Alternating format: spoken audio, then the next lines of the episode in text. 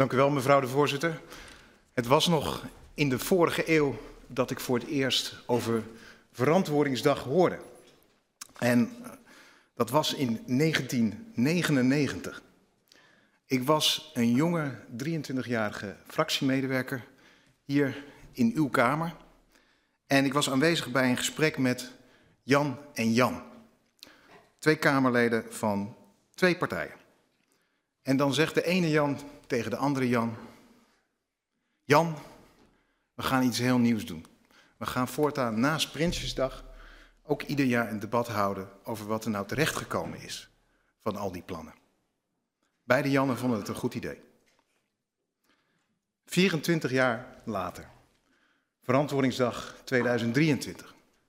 We kijken terug op 2022, het jaar dat achter ons ligt.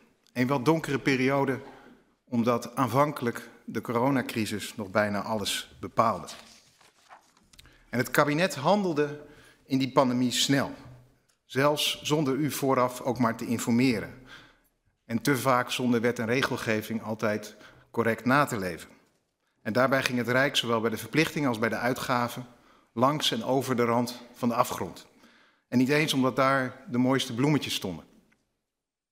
En je verwacht dat nu die crisis voorbij was, dat er in 2022 weer meer aandacht was voor controle vooraf en verantwoording achteraf. En dat blijkt gelukkig ook zo te zijn. Vorig jaar deden de meeste ministers het beter dan eerder als het gaat om een totaal van onrechtmatige of onzekere uitgaven. En de Rekenkamer hanteert, zoals u weet, een soort foutenmarge. We noemen het de tolerantiegrens, omdat waar gewerkt wordt, worden altijd fouten gemaakt. En die marges hebben wij overigens niet zelf bepaald, dat hebt u, regering en parlement samen. Het goede nieuws over 2022 is, de uitgaven zitten binnen die marge. En het slechte nieuws is, bij de verplichtingen is dat niet gelukt.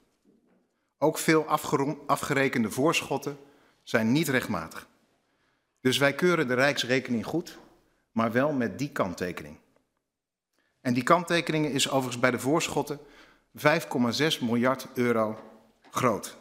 Geld, publiek geld, waarvan wij niet met zekerheid kunnen stellen dat het correct is besteed.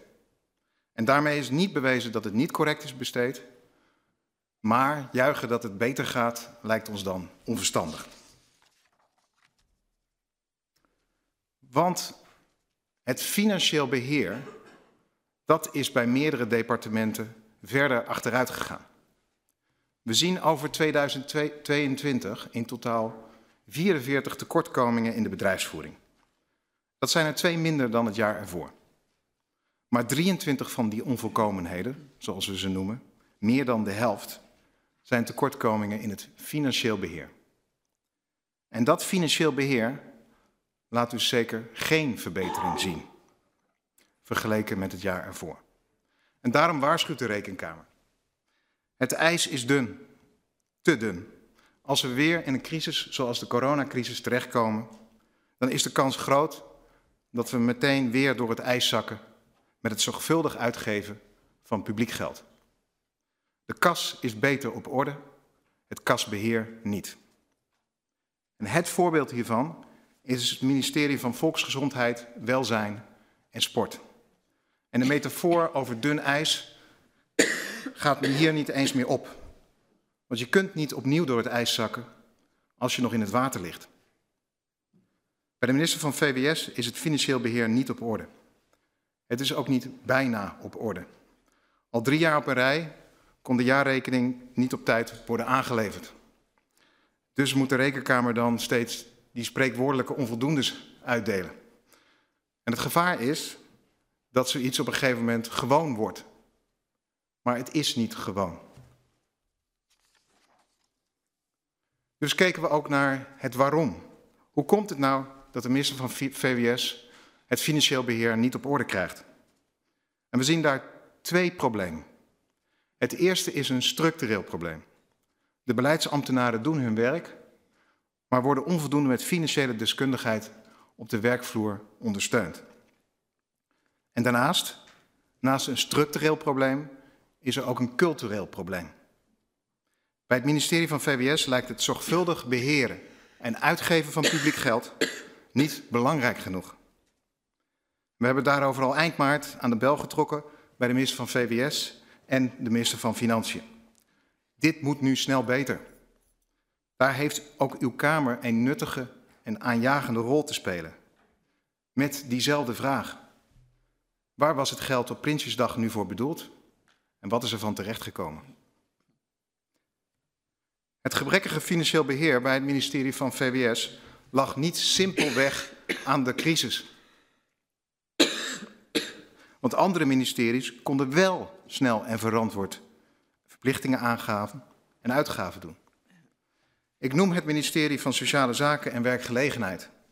In slechts drie weken werd begin 2020 de eerste NOW-regeling opgezet en ingevoerd. Om werknemers in dienst te kunnen houden. Er volgden nog vele NOW-regelingen daarna. En daar bleek vooraf goed over nagedacht. En zelfs het moeilijkste gedeelte, het afrekenen, lijkt nu goed te gaan, mevrouw de voorzitter. Ook met de TOZO, een regeling om ZZP'ers te steunen. En wij vinden dat stiekem best knap. Het kan dus wel. Als dat departementen die sneller handelen uh, en sneller moeten, uh, moeten optreden.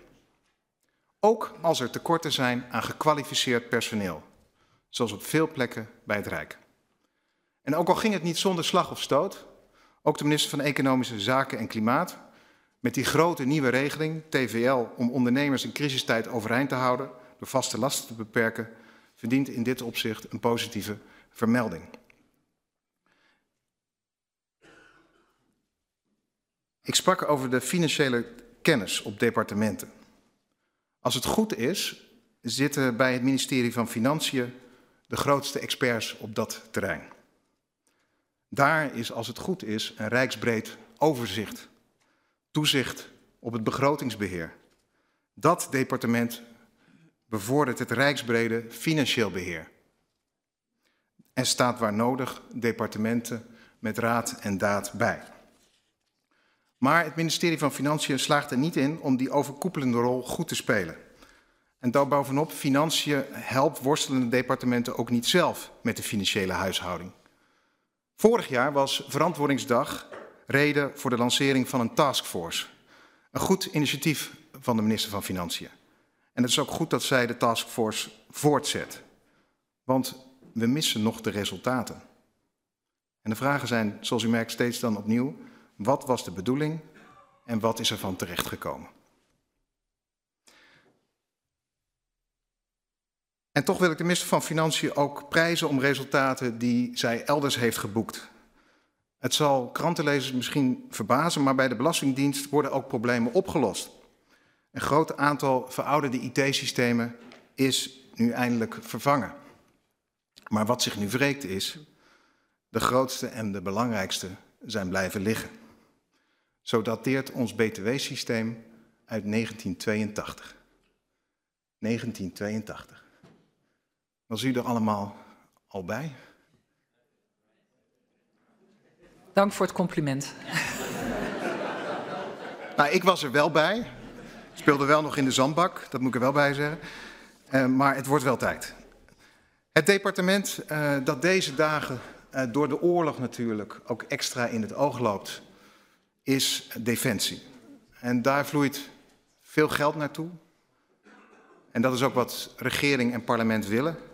En de kunst is dan om dat geld ook uit te geven en op zorgvuldige wijze uit te geven. En we zien dat dit soms moeizaam gaat. En de reken, rekenkamer hanteert ook, we noemen dat wat chic dan, innovatieve onderzoeksmethoden.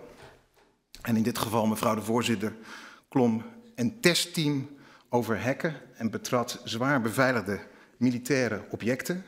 Don't try this at home. Uh, en ze werden gelukkig gezien, maar daar werd er soms ook vriendelijk naar ons gezwaaid. En we hebben de minister van Defensie maar vast gewaarschuwd dat dergelijke gastvrijheid bij insluipers niet de goede reactie is. En dat vond zij gelukkig ook. Waar is publiek geld door u voor bedoeld? En wat is er van terechtgekomen?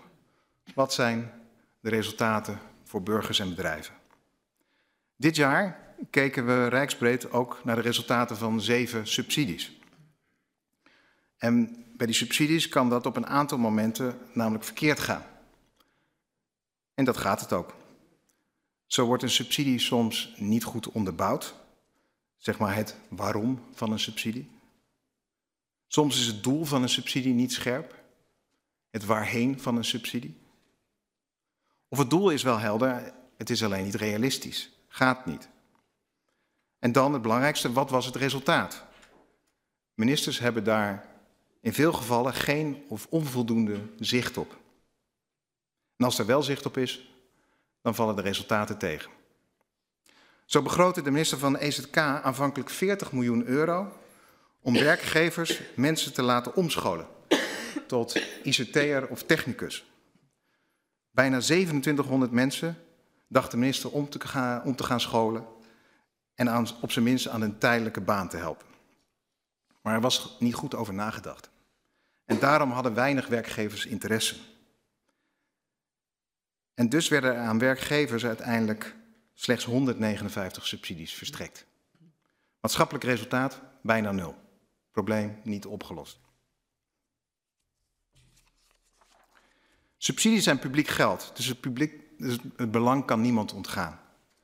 Maar ook we weten dat er in de nabije toekomst nieuwe en omvangrijke subsidies beschikbaar zullen komen voor duurzaamheid, voor het tegengaan van klimaatverandering, het voorkomen van stikstofuitstoot.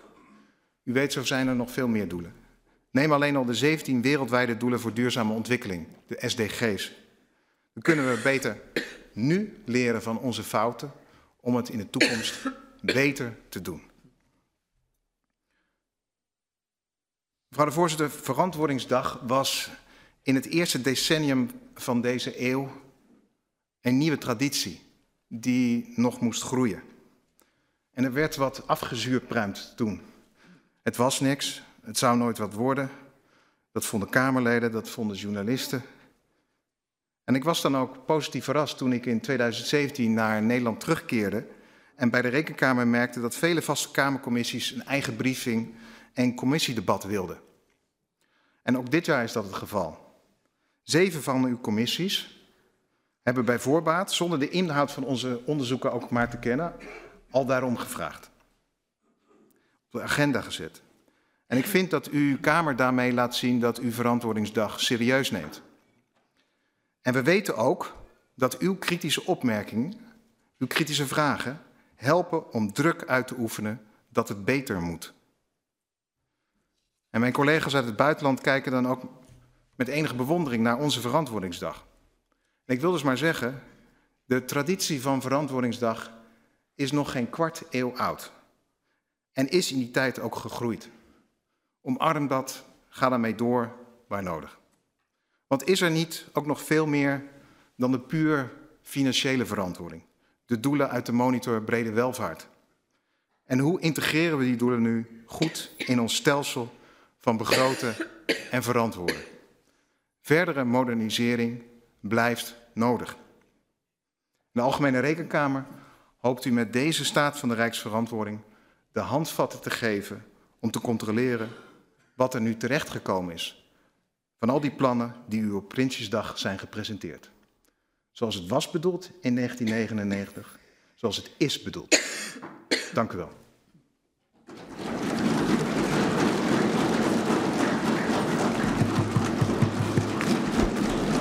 Dank u wel. Ik uh, dank uh, de minister van Financiën en uh, ook de waarnemend president van de Algemene Rekenkamer voor de aangeboden stukken. En het is mooi ook om te zien dat de publieke tribune helemaal vol is. Dus ook dank voor uw aanwezigheid hier. Ehm, ik krijg nu het stuk van u via de bode.